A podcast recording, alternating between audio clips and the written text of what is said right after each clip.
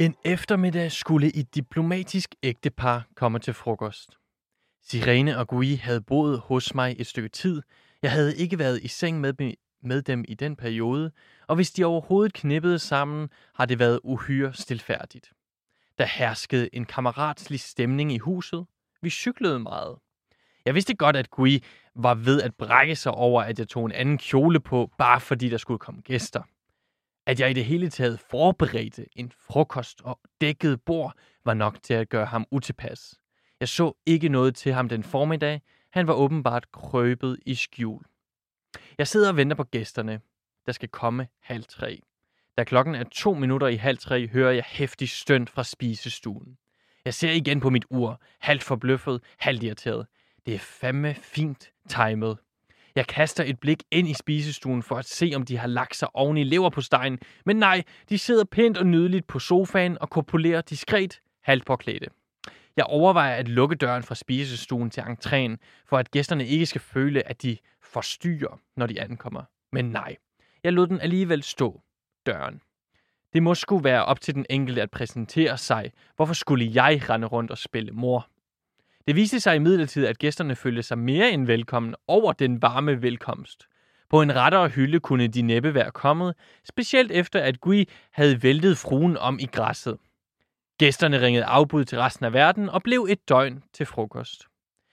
Mens jeg lå ude i haven med et champagneglas i hånden, og Sirene slikkede mig i røven, blev jeg pludselig beklemt ved tanken om, at der skulle komme nogen udefra og invitere mig på kaffe. Men bagefter siger Gui, det er så dejligt i Danmark. Den slags ville man ville aldrig kunne foregå noget andet sted i verden. At frokostgæsterne straks smider tøjet. Det kommer virkelig helt an på, hvilket sted i verden du befinder dig. Jeg var mere end målløs over den præcision, hvor med han åbner bukserne kl. 14.28, trækker pikken frem kl. 14.29 og stikker den ind i Sirenes kusse kl. 14.30. Gæsterne kunne teoretisk være forsinket, men besværgelsen, spændingen ved at udløse dette interne akakadabra, ville ikke være udeblevet. Og fra dag af kunne han slappe af i flere minutter, uden at være bange for at spise den mad, der stod på bordet, oven i købet med kniv og gaffel.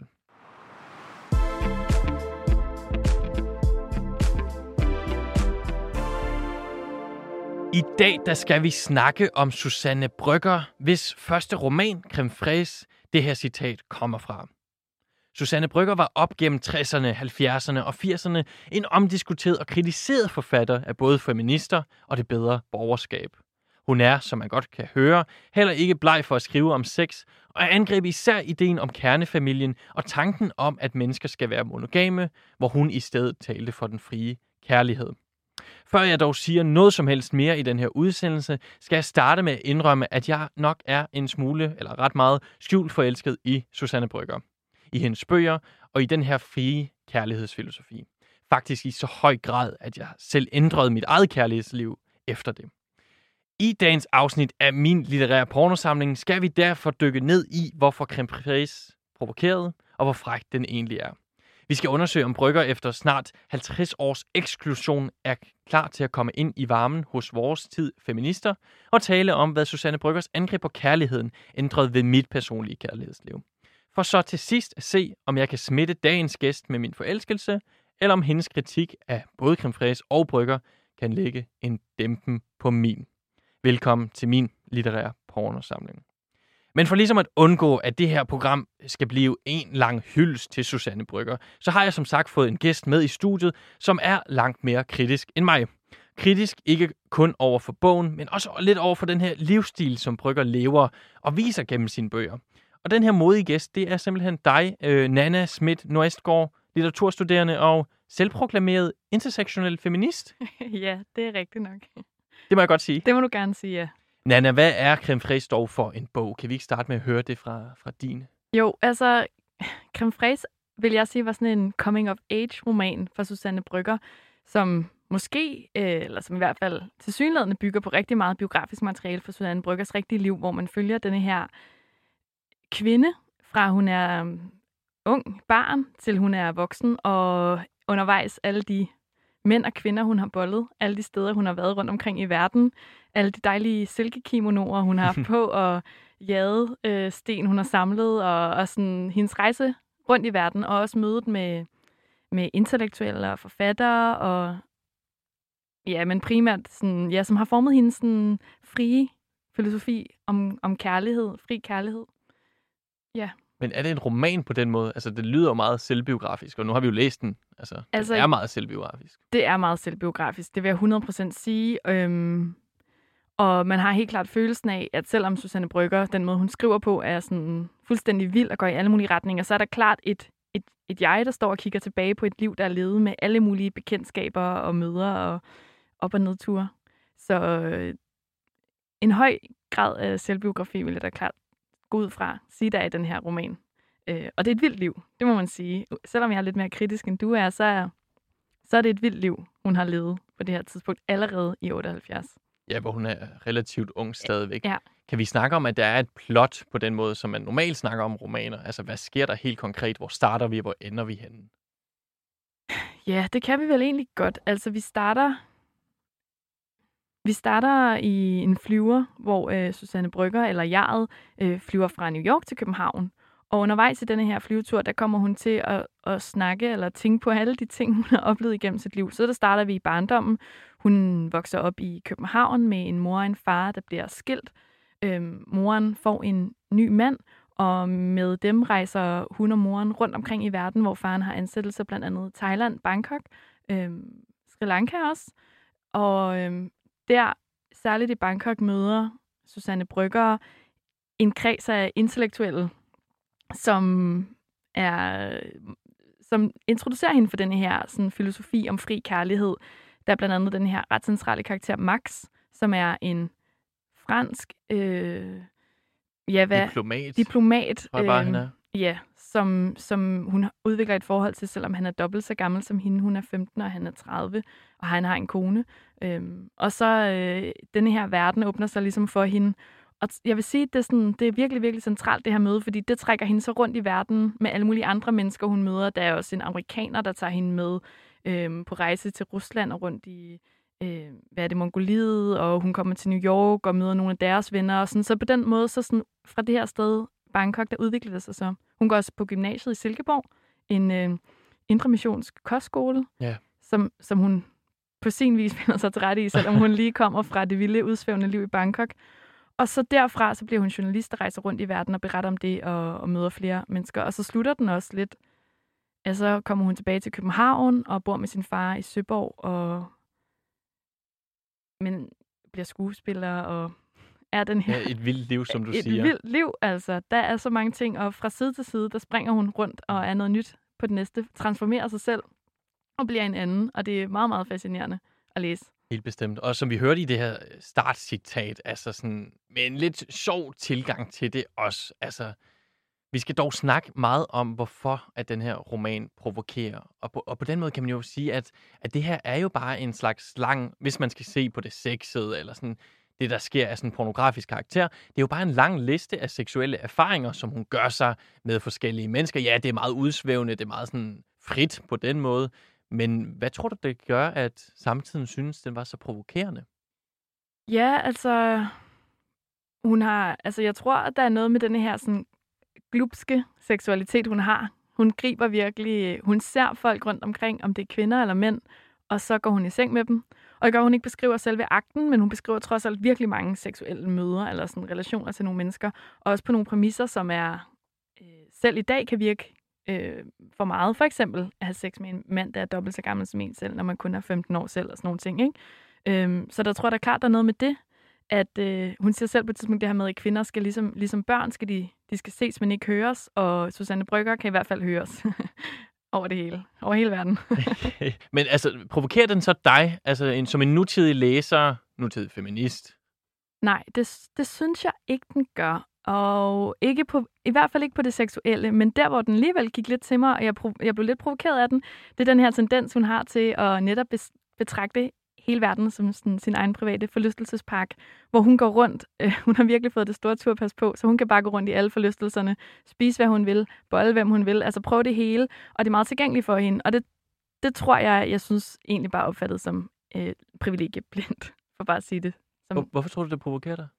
Jeg tror, det er fordi, at at der i feminismen i dag er kommet en bevidsthed om det her netop med intersektionerne, altså at man skal være bevidst om sin egen position i verden. Og jeg tror, at Susanne Bryggers projekt for mig blev meget individualistisk, hvor det handler meget om hendes egen personlige frigørelse og øh, individets egen evne til at frigøre sig selv.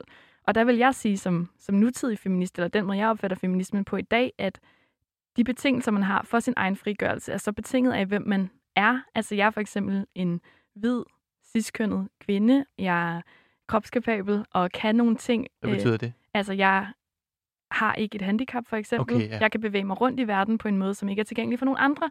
Så min, mine, altså min evne til at frigøre mig selv er en anden, end nogle andre mennesker vil have her i verden. Og det tror jeg, det har hun ikke et blik for. Og jeg ved godt, det er en helt anden side, men det støder mig alligevel, når jeg læser ja, ja. den. Altså, det, det bliver provokeret af. Øh, og jeg tror, det der er kommet frem til konklusionen på mig og mit forhold til Susanne Brygger, for lige at foregribe Ja, lad os gang, høre. det er bare, at det er ikke muligt for mig at tage Susanne Brygger ind som feminist i dag, og leve som hun gør, eller leve på den måde, eller leve med den filosofi, fordi det vil simpelthen kræve, at jeg ignorerede min egen position i verden, og det tror jeg ikke er, er, er rigtig god feminisme. Vi vender lidt tilbage til det her med øh, hendes forhold til feminismen, som har ændret sig, altså, siden hun startede med at skrive i slut 60'erne. Men jeg kunne godt tænke mig at lige høre en lille smule med det her. Eller jeg synes i hvert fald, det er spændende det her med, at hun provokerede den her bog, som med det samme blev oversat til 20 sprog. Øh, den provokerede både feminister, den provokerede også det danske borgerskab. Og jeg tror, at det også er fordi, at hun ligesom er sådan lidt fuck janteloven. Ja. Altså, hun kan nemlig rejse rundt i hele verden. Hun kan snakke med de vigtigste forfattere på hendes tid, og hun kan gå i seng med, hvem hun vil. Er der ikke far, fordi at du er sådan... Altså, tror du ikke også, du blev provokeret, fordi at... Øh, hun stikker ud af den danske jo. Øh, arketype. Jo, og jeg er da også fucking irriteret over at gå i denne her sådan, feministfælde, hvor at man alligevel ikke kan tage hende til sig. Altså sådan, jeg får alligevel lyst til at sådan, støde hende lidt fremme som feminist, og det er sådan, det er også bare så kliché på en eller anden måde. Øhm, men jeg tror alligevel, at jeg gør det af nogle lidt andre grunde, end folk gjorde i 70'erne. Det håber jeg i hvert fald. Ja. Men du siger, at den provokerer dig nødvendigvis ikke så meget, men tænder den dig så? Altså, synes du, det er en, en fræk bog? Nej, altså, synes, nej, i forhold til, hvor meget sex der er i den her ja. bog, så synes jeg ikke, den tænder mig. Øhm, hvis jeg skal begynde lidt kulør, kan jeg da godt blive lidt øh, tiltrukket af det samme, som jeg kritiserer, nemlig alle de her lækre ting, hun har. Ikke? Altså hvis vi bare skal sådan se på den første side, hvor hun sidder i flyvemaskinen, og øh, i sin quote, der skriver hun, jeg har en sennepsgul filthat, en sort stråhat, en flødefarvet Henry Bendel-hat, som jeg fandt på en skraldespand, to blå og hvide katteskåle. Øhm, og sådan fortsætter hun ikke. Alle de her lækre ting, hun har, dem kan jeg godt blive tiltrukket lidt af, selvom jeg ikke rigtig vil være altså, tingene i sig selv? Ja, sådan, du ved, det lækre, det er sådan nydelsesfuldt ja. og sådan lidt eksklusive øhm, tingene. Øhm, det synes jeg var, det synes jeg havde sin tiltrækning, men jeg synes ikke, det var frægt i betragtning af, hvor meget sex der er i den her bog. Nej. Hvis jeg skal bekende kulør ja. på den anden hånd, så øh, jeg, er en, jeg er enig i, og vi kunne måske også spørge, hvorfor er den ikke fræk på den måde, når der er så meget sex med. Men inden så vil jeg bekende kulør og sige, at det jeg synes var frækt, det var måske faktisk det her med, at Susanne Brygger, hun nogle gange så bliver hun, så får hun øje på for eksempel en mand, men det sker også hos kvinder. Og så er hun ikke længere sig selv. Hun øh, beskriver det lidt som om, at hun mister sådan tyngdepunktet, hendes mave vender sig, og hun kan slet ikke være i sin egen krop, fordi hun bliver, hun skal have den her person. Det var også det, du sagde i starten, et slags klubsk begær, liderlighed. Og det synes jeg, det kunne jeg både genkende fra mit eget liv, det der med, at man får øje på nogen, som man måske ikke kender, eller øh, det ved jeg ikke, du ved, du mister dig selv i liderligheden det synes jeg, jeg gerne lige vil læse et kort citat op fra. Mens jeg sad hos frisøren, kom han ind med en stor pudelhund. Og så får jeg den, gamle, den samme gamle følelse af varme bølger uden forklaring. Der udløses et sekret i munden. Det gør en smule ondt, men dejligt. Mm, aum. Han sætter sig på stolen ved siden af mig og ser ind i det samme spejl som jeg, og vi ser på hinanden og slår øjnene ned. Så rejser han sig og flakker lidt omkring, og jeg spørger frisøren. Han er da ikke bøsse, var? Nej, nej, den skulle være god nok. Fyren kommer tilbage lidt efter med en flaske magnumvin og skænker op til os. Frisøren stikker mig et fødselsdagsdigt, han selv har skrevet, og beder mig læse det højt for dem. Under oplæsningen konstaterer jeg, at slik, det rimer på pik. Jeg sidder og får vattotter i håret for at få tigerstriber, for det er meningen, jeg skal komme til at ligne en tiger. Men for hvert øjeblik, der går, kommer jeg mere og mere til at ligne en britisk dommer. Den unge fyr bliver klippet samtidig. Han er plysset oven på hovedet, men han vil have det lidt længere i nakken. Han ved, hvordan han vil have det, gutten. Han beretter, at da han var yngre, han er kun i begyndelsen af 20'erne, solgte han fodboldspillere. Hans kakiskjorte står åben. Han byder sig til. Jeg tilbyder at deklamere et digt for ham. Flugten til Amerika. For nu rejser jeg nemlig til Amerika, skal jeg sige dig. For nu kan det nemlig være nok. Frisøren beder mig om at rejse mig. Jeg skal have vattet ud af håret og vaskes. Jeg rejser mig nervøst. Jeg ser gutten gå. Bare går. Går. Det kan ikke være sandt. Det er ikke muligt. Jeg har ondt i kæberne af lyster. Og så går han bare. Og det er som om grunden skrider under mig. Jeg kan ikke rende efter ham med vat i hele hovedet. Åh, så ydmygende. Jeg kan ikke holde det ud, når jeg ikke får min vilje. Ligesom dengang i Nice, hvor jeg sad og købte champagne til en fyr i dyredomme og prøvede at fange hans ben med mine fødder under bordet, og han hele tiden skiftede stilling for at undslå sig, men alligevel blev ved med at sige ja til champagnen, så jeg troede, at han var bare genert og skulle tages med en hård hånd, sådan et lille kreb. Og så rejste det lille kræ sig, og jeg efter, og han gik hen på sit hotel, og jeg efter, og så sagde han godnat. Må jeg ikke komme med op, hørte jeg mig selv sige og bide hovedet af al skam. Nej, for jeg skal tidligt op i morgen. Jamen, jeg bliver kun et øjeblik. Nej, for jeg er træt og skal sove. Jamen, det kommer du også til om et lille bitte øjeblik, og du kommer til at sove så godt, hører jeg mig selv sige, hvorefter jeg stak i rand, og jeg havde ondt i kroppen flere dage efter. Det citat, altså det synes jeg er et virkelig godt eksempel på Susanne Brygger, der er meget ærlig. Altså det er jo tydeligvis, jeg, jeg kan godt mærke hendes skam, når hun ligesom byder sig til et andet menneske og siger, siger sådan, jeg, har, jeg vil have dig.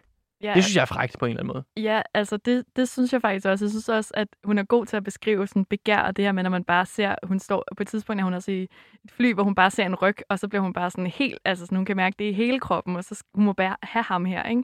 Og jeg synes jo også, det er fedt at læse, eller at høre om en, der så, altså hun får så mange, men ham her fik hun faktisk ikke. Han slår faktisk fra hende. Øh, og hun får altid sin vilje, så det er selvfølgelig forfærdeligt. Det er jo frygteligt, og det er også det, hun har sådan en form for sådan blue balls, lady balls i hele kroppen en lang tid efter, ikke? fordi jo. hun ikke fik den her mand, hun har gået og hældt champagne på. Og det er også sjovt, det med de traditionelle mande- og kvinderoller er byttet om. Ikke? Det er hende, der sidder og køber til ham og ham og ham og ham, og øh, så skal han alligevel bare hjem på værelset og sove. Det kan jo ske for selv den bedste. Det kan det. Men jeg synes stadig mere, det er sjovt, end end det er sådan sexet. Eller Men jeg har bare ikke læst det så meget før. Nej. Altså et kvindelig, ja, kvindelig begær måske. Eller du ved sådan, en kvinde, der skriver om sit begær på den her Nej. måde. Og det er måske også det, du siger med blue balls og præcis den... Det forekommer mig lidt som et... Altså, det er måske, fordi vi kun kender til det her begær på den måde. Altså, vi kun har læst det fra mand, altså som et mandligt begær. Helt klart. Altså, det er så ublut. Og det er jo, altså, jeg må jo også, som feminist i dag, må jeg jo også øh, pay my respect, eller øh, give øh, Susanne Brygger den credit, at hun beskriver nogle af de her ting på et tidspunkt, altså vildt tidligt, og det der, det der er mega sejt.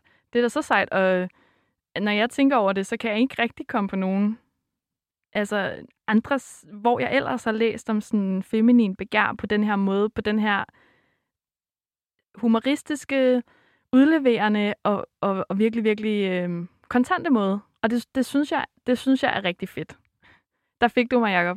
det er jeg glad for at jeg fik det overbevist. Men det er sjovt, du siger det der med, at, hvad hedder det, at dengang, at det provokerer selvfølgelig dengang, og fordi hun siger selv øh, til et interview, som øh, Berlinske har lavet om Creme Fraiche, da det har et eller andet bestemt jubilæum, så siger hun selv, at på den tid, hvor rødstrømperne og feministerne havde kronede dage, var kroppen meget skjult og underspillet i socialiseringen af kvinden. Vi var alle sammen opdraget til, at kvinder skulle gå med meget små skridt, ikke skulle le for højt og have for store armbevægelser for ikke at blive opfattet som vulgære.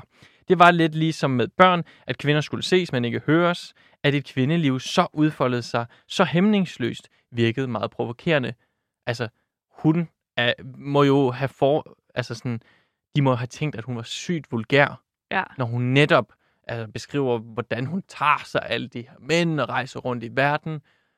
Ja, det må hun have gjort. Kan du ikke se det som en vildt argument i sig selv? Jo, og et eller andet sted synes jeg da også, at man skal have, øh, man må tage hatten af for, at hun nu her, så mange år senere, stadig kan provokere mig og folk, ikke? Og det, er der, det synes jeg er en bedrift i sig selv. Det må hun, altså, det må hun have og lidt i forlængelse af det, der er vel også mange sager, eller hvad hedder det, erindringer, seksuelle erindringer, eller sådan erfaringer i den her bog, som jeg i dag vil kalde sådan lidt MeToo-agtige. Altså, det er ikke altid det mest, udover at hun blev voldtaget på et tidspunkt i Uzbekistan, tror jeg det er. Mhm. Men der er også flere scener, hvor, hvor mænd øh, ligesom tager sig, øh, hvad, kan man sige? Friheder. Friheder. Ja, basically. Ja. Ja.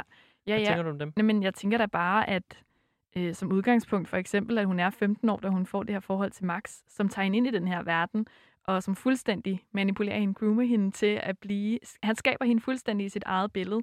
Og det er så Susanne Bryggers styrke, at hun vokser hen over hovedet på ham og tager, går sin egen vej, og ikke øh, lader sig lulle ind i det her sådan, spænd, han faktisk spinder hende ind i. Ikke? Så han er jo både en stor gave til hendes sådan, udvikling, men det er også utrolig med nutidens øjne forstyrrende at læse om en 30-årig mand, der tager en 15-årig pige med ind på et tidspunkt og viser hendes nyfødte barn. Men der er jo ingen af de her scener, som går over grænsen, hvor Susanne Brygger siger nødvendigvis, at hvad hedder det, det gik over hendes grænser. Nej. Jeg tror, der måske er en enkelt, men jeg mener bare, hvis hun havde, hvis man skulle skrive hele den her øh, roman i dag, ville man så ikke have et andet blik på den, tror du? Jo, det tror jeg helt klart, man vil have, og jeg tror... Altså mere fordømmende. Jo, man vil da klart have et fordømmende blik. Og særligt på den sådan, spæde start, synes jeg, mellem Max og hende, som blander en meget, meget ung kvindelig sådan, feminitet, seksualitet med en meget voksen maskulin femin- øh, seksualitet. Og det er lidt forstyrrende at læse. Øh, det, tror jeg, det tror jeg, man vil synes var i dag.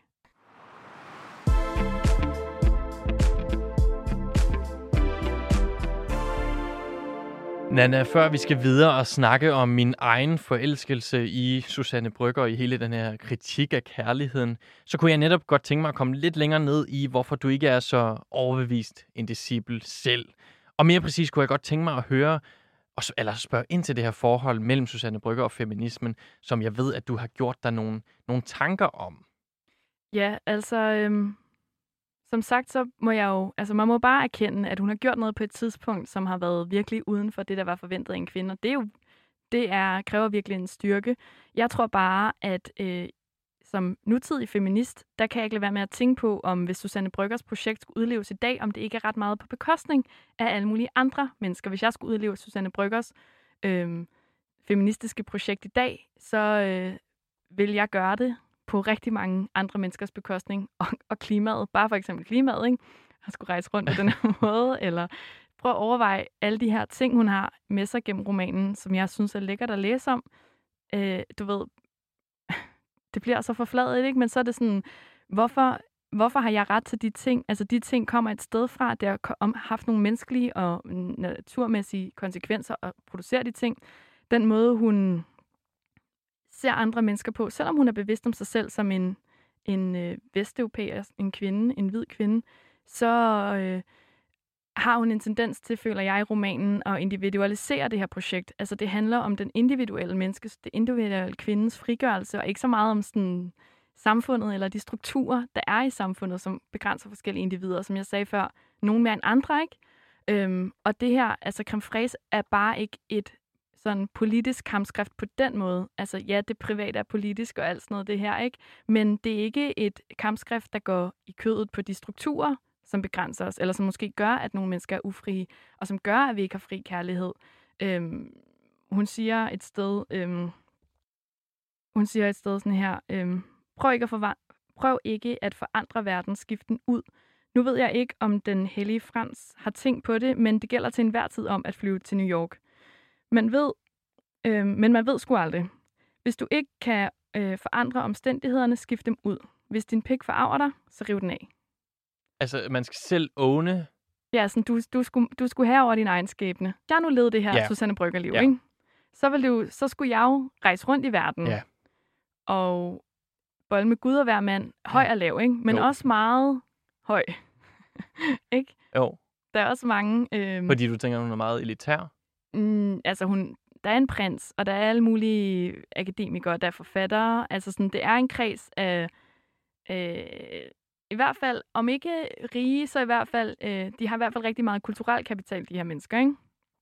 Øhm, og så forbruger hun helt vildt meget, og øhm, så er det, Ja, så det her med sådan, hvis skifte ud, altså rejse til New York, Ja. gør noget, Ja, ja. sådan, tag det over, Genopfind dig selv. genopfind dig selv, tag noget, tag, klæd dig ud som en mand, klæd dig ud som en kvinde, gør noget, Ja. altså sådan, øhm, hvor jeg måske godt kan savne bevidstheden om, at det ikke er tilgængeligt for alle. Og det er i virkeligheden bare det, jeg tænker, hvis vi alle sammen skulle leve til Susanne Brygger, på Susanne Bryggers vis, så tror jeg, som hun skriver i hvert fald i Creme Fraiche, ikke? så vil det være meget fokuseret på ens egen nydelse, ens egen sådan, ja, sådan ens egen personlige frigørelse på bekostning af fællesskabets frigørelse. Øh, og jeg tror måske bare, at jeg synes jo, altså, og det skal virkelig ikke lyde som om, at jeg er imod ideen om fri kærlighed, eller jeg ikke tror, at kærlighed kan være anderledes, end den er nu. Det er mere det der med, at jeg tror ikke, at løsningen er, at jeg går ud og lever mit liv anderledes. Jeg tror, grunden til, at det er så svært at opleve fri kærlighed måske i dag, det er fordi, at der er nogle samfundsmæssige og sådan strukturelle forventninger til kærligheden, som gør det svært. Og måske skulle vi ændre dem, og så vil fri kærlighed komme bagefter. Ja, det blev en meget lang sådan Ja, kan jeg rant, godt se. men jeg tror på en eller anden måde, så er det sådan, vi bliver nødt til at ændre strukturerne, Ja. i stedet for bare at gå ud og leve fri kærlighed et eller andet sted i en eller anden expat lomme i Bangkok sammen med nogle øh, kunstnertyper. Altså Det sådan, rykker ikke ved så meget. det rykker sgu ikke være så meget andet end lige præcis din hverdag. Men kan man så se det på en måde, at du synes ikke, at... Eller jeg, jeg læser det bare som om, at, at du dømmer hende lidt på vores, den moral, der er i dag. Det gør jeg helt klart. Og romanen også, eller hele den her livsstil, som fremtræder i romanen på den måde. Men det lyder jo som om, hun ikke er feminist på den rigtige måde. Altså kan man ikke stadigvæk, hun har jo stadigvæk, som vi netop blev enige om før, altså det her med at sætte kroppen og lysten og, og hæve det her kvindebillede en lille smule ud fra hvad det, altså hvor, hvor fordækt det var og hvor skjult det var før. Jo, Gør det ikke, hende stadigvæk ikke til en feminist? Jo, det gør det da, og jeg vil også nødig være den, der bedømmer, hvem der skal være feminist, og hvem der ikke skal være det. Netop fordi, at jeg tænker da, at feminismens ærne er at udvide, hvad det vil sige, for eksempel at være en kvinde som et af kønnene, ikke? Altså, så tænker der har hun da virkelig taget nogle kæmpe store skridt ud i en verden, ikke? Og det er da flot, og jeg kan da... Jeg har hørt en podcast, hvor de også snakker om Susanne Brygger, hvor verden sagde, at når man snakker om Susanne Brygger, får man lyst til at, at rette ryggen, ranke ryggen lidt, fordi hun er sådan, hun har en særlig mytisk status i den danske feminisme også, og det har jeg også lyst til at anerkende. Ja. Så altså, hun, jeg tror bare ikke, at hun, det her manifest, hvis man skal se Fraiche eller Fri os for kærligheden som en manifest i dag, tror jeg ikke, at det holder helt. Altså, så skal man i hvert fald lige huske sig selv og sin position Ja. i sådan et globalt magthierarki. individualistisk Nej. på den måde. Jeg har øh, igen et uddrag fra det interview, hun snakker om creme fraiche, og så siger Susanne Brygger, feministerne anså mig for at være borgerlig, og for at gå mændenes ærende ved ikke at have gjort mit marxistiske hjemmearbejde ordentligt. Creme fraiche var jo ikke ligefrem en rapport fra en gulvspand, og den har ingen solidaritet med arbejderkvinderne på fabrikkerne. Ikke fordi der, ikke, der er nogen ikke-solidaritet med arbejderkvinderne, det er bare ikke mit ærende i den bog. På det tidspunkt havde mange af borgerskabets støtter besluttet sig for at lave deres eget sprog om og tage arbejde på fabrikkerne. Og jeg blev bare ved med at være, som jeg altid havde været. Altså hun siger, Susanne Brygger siger her, at hun er en borger, eller kommer fra borgerskabet og gider ikke øh, øh, blive en del af den her moderne, altså selv dengang i start 70'erne, gad hun ikke være en del af den moderne måde at være feminist på, hvilket var, siger hun her, at blive arbejder og have sympati med arbejde og kvinder på den måde. Altså, så, så det, jeg synes bare, der tegner sig lidt et billede af, at Susanne Brygger, hun vil bare være, hvem hun er, hvad der falder hende ind hele livet igennem, Ja. og så skifter, ja, jeg ved ikke, om det er skiftet lidt siden, jeg tror, at feministerne i dag ikke kun har bekymret sig om arbejderkvinder som sådan, altså det er et meget bredt spektrum, som du selv siger et eller andet sted, men det virker bare lidt som om, at, øhm, at de ikke kan, kan rumme hende, feminismen ikke kan rumme hende. Ja, og det kan der nok også noget være noget om. Jeg tror, i dag vil, vil kontroversen nok mere handle om ikke, at ikke at Susanne Brygger for eksempel skal snakke arbejderkvindernes sag, men måske er, er det nogle andre end Susanne Bryggers stemme, vi skal høre i debatten. Ikke? Det er jo nok det, i virkeligheden, jeg også lidt sigter mod. Og igen, altså jeg synes, jeg ved egentlig ikke helt, hvordan jeg har det med at stå og dømme Susanne Brygger med mine øjne. Øhm, fordi det var en anden tid og alt det der, men, men jeg tror bare, der er noget sigende over det der med, at øhm, som, som håndbog i feminismen, vil jeg ikke tage Susanne Brygger frem i dag.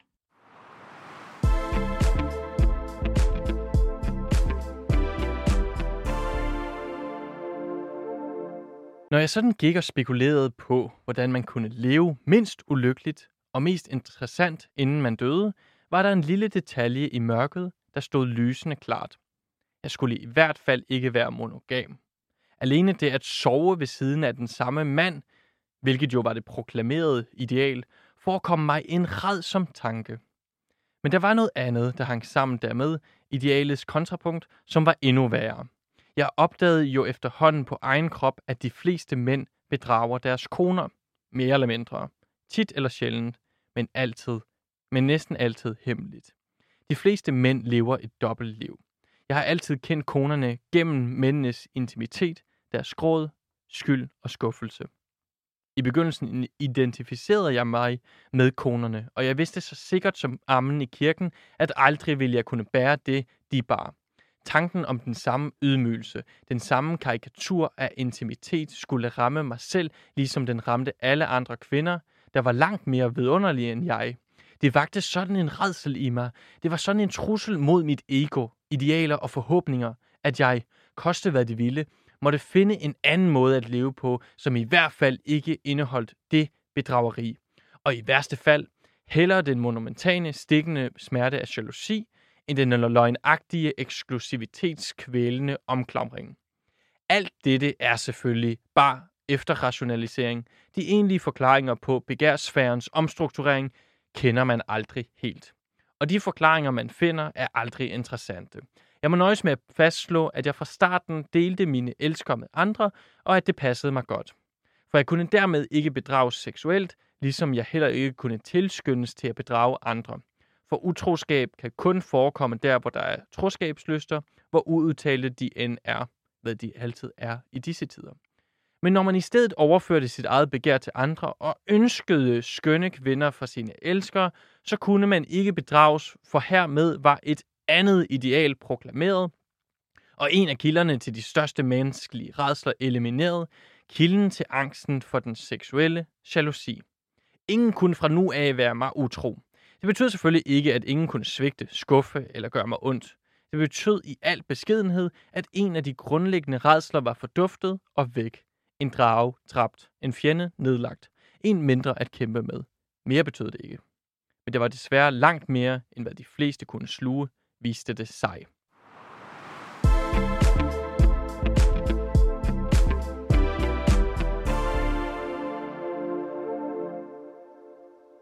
Altså, det her citat virker for mig som en god introduktion til det her med, at Susanne Brygger erklærer krig mod monogamien og sætter den frie kærlighed i højsædet. Hvorfor gør hun det, Nana?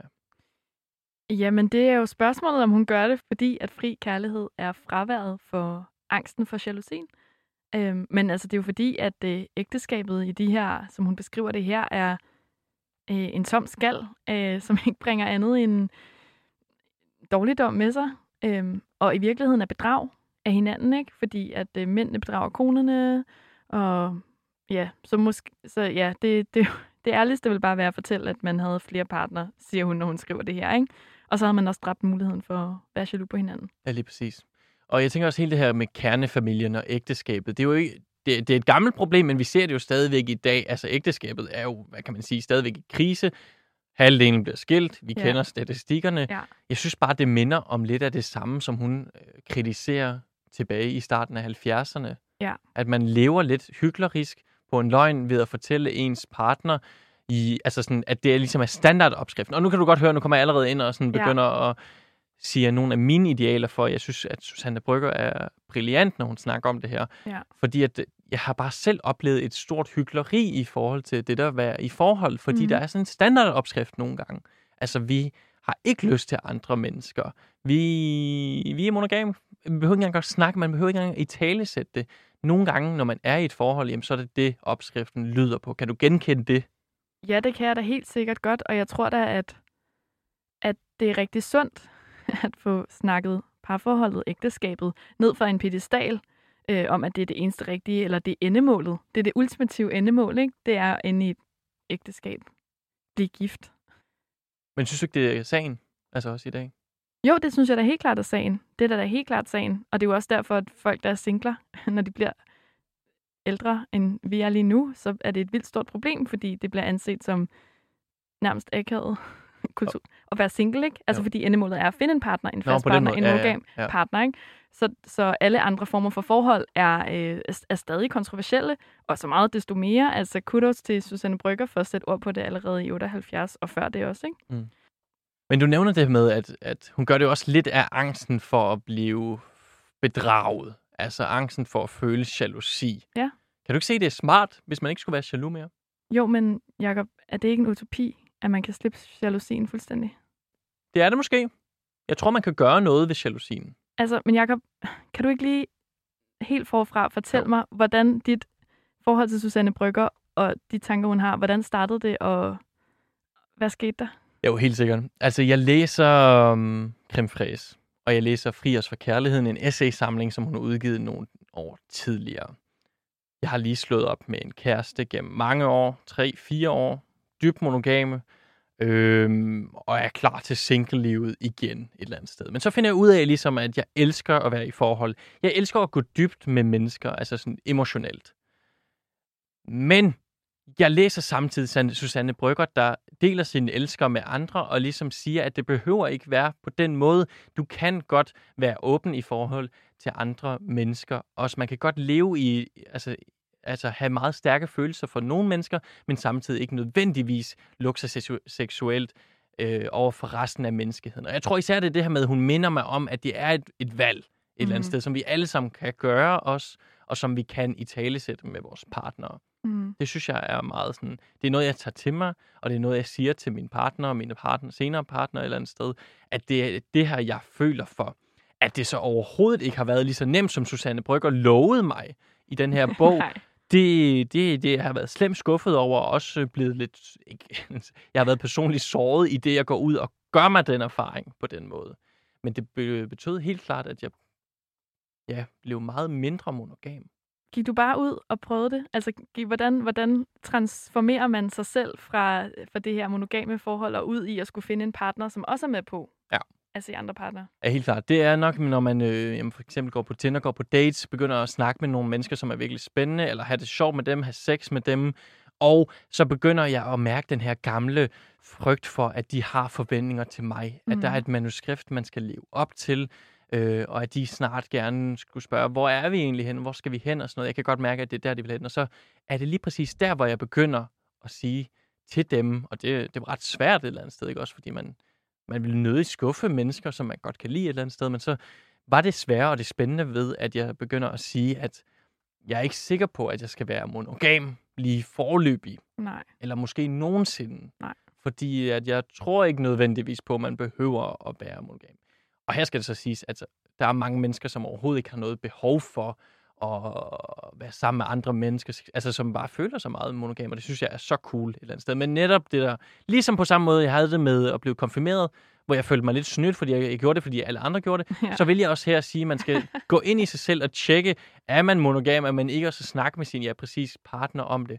Men jeg var selv i forhold, hvor jeg synes, jeg var meget hyklerisk, altså hvor jeg Ja. hele tiden tænkte på andre, og hvor jeg måske har sluttet forhold, fordi jeg havde lyst til at være sammen med andre. Jeg var tæt på at være utro mange gange, og så videre. Og jeg tror også, der er mange, der har det lidt på den måde.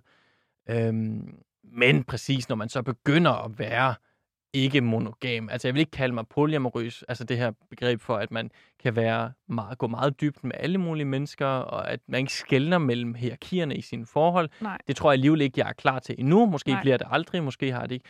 Øhm, men når man begynder på det, altså så skal man jo også, øh, så er det, sådan så, så, så er det lidt hyklerisk at være sådan, jeg kan godt være sammen med andre mennesker, men du kan ikke søde skat. Nej. Så man ser sine nye partnere være sammen med andre mennesker, og det kan man nogle gange blive jaloux over, fordi man sammenligner, det var i hvert fald min oplevelse, sammenligner sig med andre, og, og på den måde, der, der blev jeg også ramt af jalousi flere gange. Men jeg tror ikke, det er noget, man ikke kan bekæmpe. Jeg tror, okay, måske kan man ikke slette jalousien overhovedet. Men jeg begyndte meget at sådan vende den indad og så spørge, hvorfor er du egentlig jaloux, Jacob? Hvad er det, der trigger dig her? Kan du arbejde lidt på det? Mm-hmm. Giver det mening? Det giver super god mening. Så hvad er dig og din partners regler? Øh, de er skiftende. Mm. Vi er i nogle perioder mere monogame end andre. I, lige nu for eksempel, der har vi en regel om, at vi godt kan være sammen med andre, øhm, men at vi, altså vores intention er, at vi søger ikke sådan et, øh, et fast forhold med andre mennesker måske. Og det er ikke for at sige, at den mulighed ikke kan opstå, eller sådan, at jeg er ignorant over, eller sådan, at jeg benægter, at det nogensinde kommer til at ske. Mm-hmm. Fordi det handler mere om at sådan elske åben. Jeg tænker, at øh, der er en samtale, ongoing samtale i jeres forhold, som man nok i mange forhold ikke har, ikke? Eller måske får man slet ikke snakket rigtigt om sex, eller sådan, fordi at det bare er sådan en implicit ting, ikke? Jo, Men det er øh, præcis altså, hvis jeg lige må vende tilbage til, altså, når det du siger i forhold til creme fraise, altså, du sagde i starten, da vi gik i gang med den her snak, at, at du også mærkede, at du, du var glad for at være i et forhold, for at have den her dybere connection med folk. Og det tænker jeg også, at Susanne Brygger, øh, meget af romanen er det jo skiftende bekendtskaber, korte øh, møder med mennesker. Der er nogen, som er sådan, bliver dybere hos hende, ikke?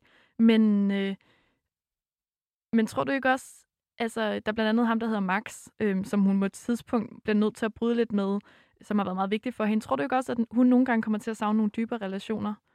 Susanne Brygger? Øh, jo, eller jeg, nej, det ved jeg ikke. Altså, hun, hun starter jo med at sige, at hun, hun altid godt kan lide at flyve. Ja. Også i sit liv. Altså, Mhm. at overflade er godt, og at der ikke er noget at finde ned på bunden. Så det lyder lidt som om, at hun også idealiserer en lille smule, eller den her person idealiserer en lille smule det her overflade liv. Men jo, altså, hun, hun søger jo nogle dybere bekendtskaber, men stopper den også lige pludselig. Jeg tror, med Max er det ikke, ikke fordi, at hun ikke kan finde ud af at commit sig på den Nej. måde. Det er Nej. mere fordi, at Max skuffer jo. Ja, det er ham, der vil komme med til hende, og det, kan hun, det vil hun ikke. Det er Ja. hun ikke interesseret i. Ja. Han skuffer det ideal om kærlighed, som han har stillet op for hende i virkeligheden. Det Ikke? er præcis, som du siger, han er jo 30 år, hun var 15 på det tidspunkt, og de har sådan et langt øh, forhold, der spænder sig over flere år, som jeg var lige inde og læse på Wikipedia, der er nogen, der har kaldt sådan grooming. Ja, det Hvad er, betyder det? Jamen, det er jo det her med, når man sådan over længere en, en ældre person over længere tid øh, arbejder sig ind på Manipulere. manipulere. Ja, det er Okay, manipulation okay. med, mule, med, med formålet om seksuel samvær Ja, okay, eller ja. afpresning eller sådan noget. Ikke? Af, Ja. ja, manipulation. Ja, men med, med det her lange forhold med Max, altså, så, så er det jo ham, der ligesom inspirerer Susanne Brygger til at tænke på alle de her ting, og han opfordrer hende til at tage elsker, men så når hun tager elsker, bliver han alligevel lidt jaloux, og det er jo også det, altså, romanen jo også ender med ikke, at blive sådan en lang øh, fortale for den frie kærlighed. Altså, den er også kritisk og siger, at det er svært at lade sig gøre. Jeg har faktisk et citat.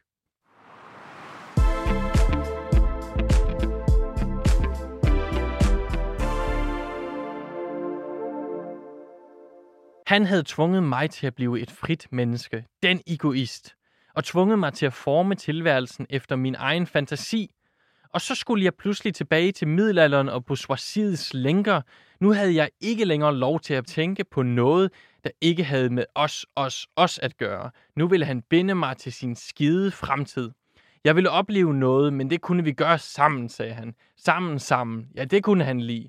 Hans cykleri kendte overhovedet ingen grænser. Max havde i flere år elsket to kvinder, mindst. Men da Liane en eneste gang siger og skriver en, en gang, gik i seng med en, øh, en anden mand, var Max lige ved at begå selvmord.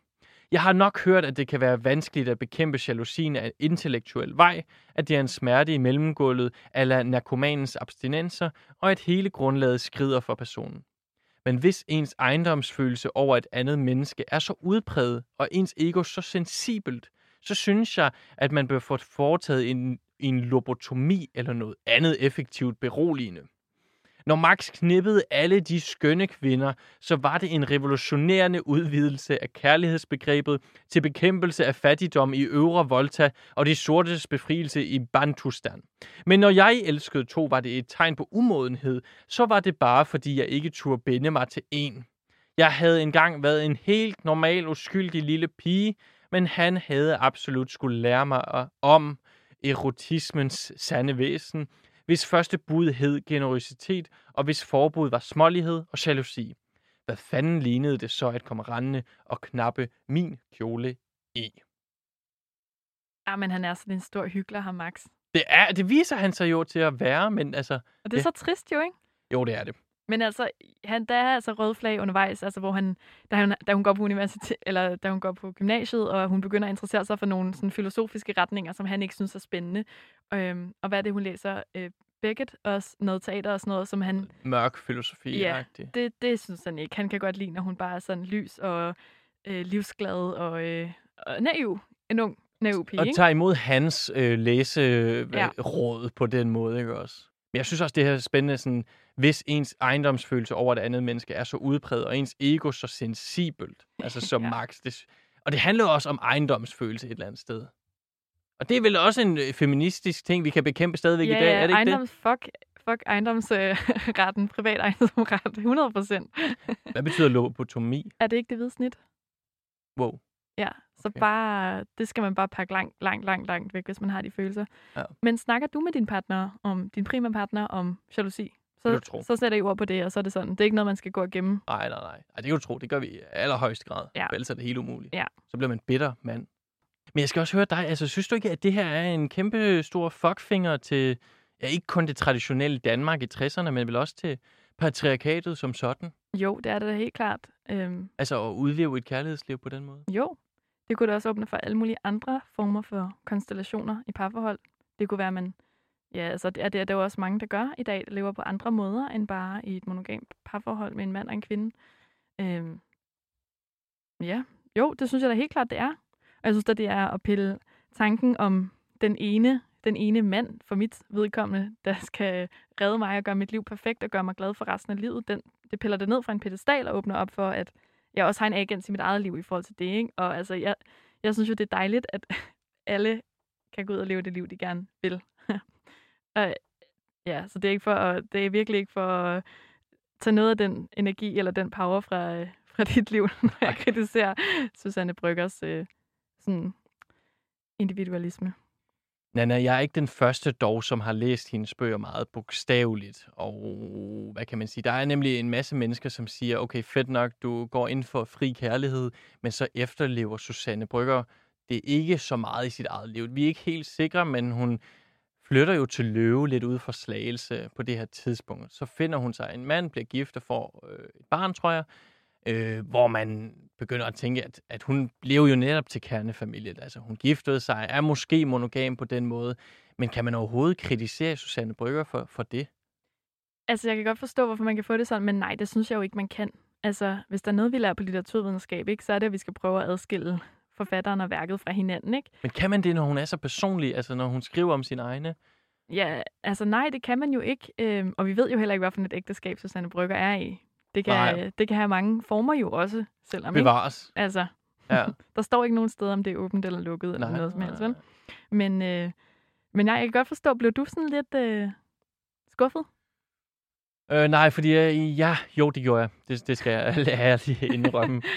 Men det var mere fordi, at jeg havde set det så lysende klart i Creme Fraise og i Fri os fra kærligheden et eller andet sted. Altså argumenterne for, hvorfor man skal leve et mere åbent liv og ikke behøver at falde tilbage i de her gamle opskrifter for kærligheden. Og så at hun ikke nødvendigvis gør det selv i sit... Altså, jeg havde bare troet, hvis der var nogen, der kunne gøre det, så ja. Ja. det med Susanne Brygger med hendes energi og hendes vrede mod netop det traditionelle borgerskab i Danmark i 60'erne. Ja, og hendes sådan, appetit på livet, ikke? Altså, der er så mange ting, som hun gerne vil spise og gerne vil være og gerne vil opleve i den her bog, så det er bare svært at forestille sig, at hun kan få det hele med en ægte mand uden for slagelse. Ja, men det er meget muligt, men det kan også... Ja, jeg, jeg tror bare ikke, man kan netop, som du siger, dømme forfatteren for det, man, man skriver, men det, det bliver meget mudret, og jeg kan godt forstå, hvorfor der er mange, der falder i fælden, og jeg selv falder i fælden, når det er så selvbiografisk, Ja. og hun har den her energi.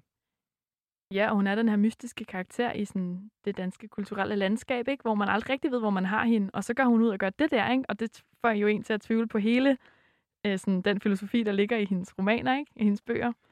Men øhm, ja, alle, Hun har med flere facetter. Ja. Der er også en anden, øh, hvad hedder det, person, øh, som også er sådan overfilosofen i Bangkok, øh, som hedder Jean-Louis, som på et tidspunkt skriver, jeg tror det er et forord til en af hendes bøger, som du ser, har jeg hele livet igennem let efter kærligheden mellem flere, for at ende med den opdagelse, at det er så godt som umuligt, bare for to, at elske hinanden. Det er i øvrigt, hvad alle mennesker altid har vidst, men de ved ikke, hvorfor. Altså, øh, den mest polyamorøse mand i den her roman siger til sidst, at det kan ikke lade sig gøre, for det er fucking svært nok bare at elske to. Hvad tænkte du, da du læste? Jamen, jeg blev lidt deprimeret. Altså, jeg tænkte, at øh, okay, fri kærlighed er måske svært, men til sidst så bliver man lidt i tvivl om, der overhovedet er basis for kærlighed, bare mellem to i den her verden.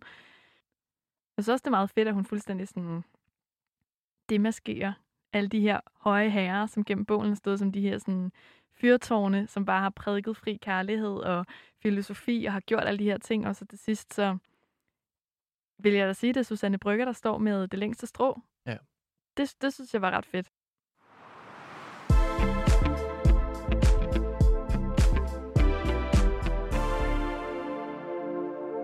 Nana, her til allersidst, så skal vi gøre status. Er du blevet en lille smule mere forelsket i Susanne Brygger, og er min egen forelskelse måske dampet af en smule? Øhm, altså, hvis jeg sådan starte skal, med dig. altså, må jeg sige sådan plus, på plussiden og minussiden. Altså, øhm, på minussiden vil jeg sige, at, øh, at øh, Susanne Bryggers projekt som feminist er ikke helt tilgængelig for mig, fordi der er simpelthen for meget individualisme og for lidt fokus på sådan globale magtstrukturer, hvor man selv er i dem. Så det går ikke. På plussiden vil jeg sige, at jeg alligevel ikke helt kan lade være med at blive fascineret og tiltrukket og få lyst til at blive bedre til mit eget liv og praktisere at have den her sindssyge appetit på livet, og det være så partnere eller øh, ting eller oplevelser. Uh, hun er meget åben for livet og siger meget ja. Uh, så hun spiser virkelig af livets buffet med, uh, med begge hænder. Og der kan jeg måske godt nogle gange blive lidt protestantisk og lidt sådan uh, nej siger, forsigtig nej siger. Og det, det, det tror jeg gerne, jeg vil. Der, det vil jeg gerne sige. Og det vil jeg gerne øve mig på at blive lidt bedre til. Hvad med dig, Jacob? Jamen, øh, tak fordi du spørger. Hvad hedder det? Jeg er jo disciple forstået af post. Nej, er disciple forstået på den måde, at jeg kan overhovedet ikke øh, tænke noget negativt. Ej, det passer ikke.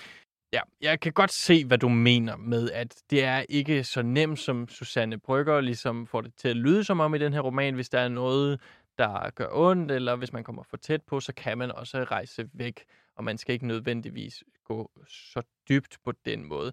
Men jeg synes, som du også er inde på, altså energien, hele den her, øhm, jeg synes også bare, ja, den åbne, at hun er så åben for øh, oplevelser, at det, og det er præcis, jeg har også været meget protestantisk øh, arbejdsetik, jeg skal sidde hjemme og arbejde hele dagen, øh, og jeg tror, det var det, der ligesom også gjorde mig så forelsket i den, altså at hun var sådan, det behøver du ikke, dude. Du kan prøve i hvert fald at gå ud og Det var opleve noget faktisk, mere. ja, men det var enormt frustrerende at læse denne her roman på sådan en øh, coronanedlukket januardag, ikke? Fordi man bare var sådan, hvor skal jeg egentlig gå hen og få de her oplevelser? Sådan, jeg kan jo ikke, alting er lukket, og alle er indenfor. Men Susanne Brygger vil nok finde ud af det alligevel. Det tror jeg også. Men uh, Nana Schmidt Nordgaard, tusind tak, fordi du var med i min litterære pornosamling. Selv tak. Og vi ses i næste uge.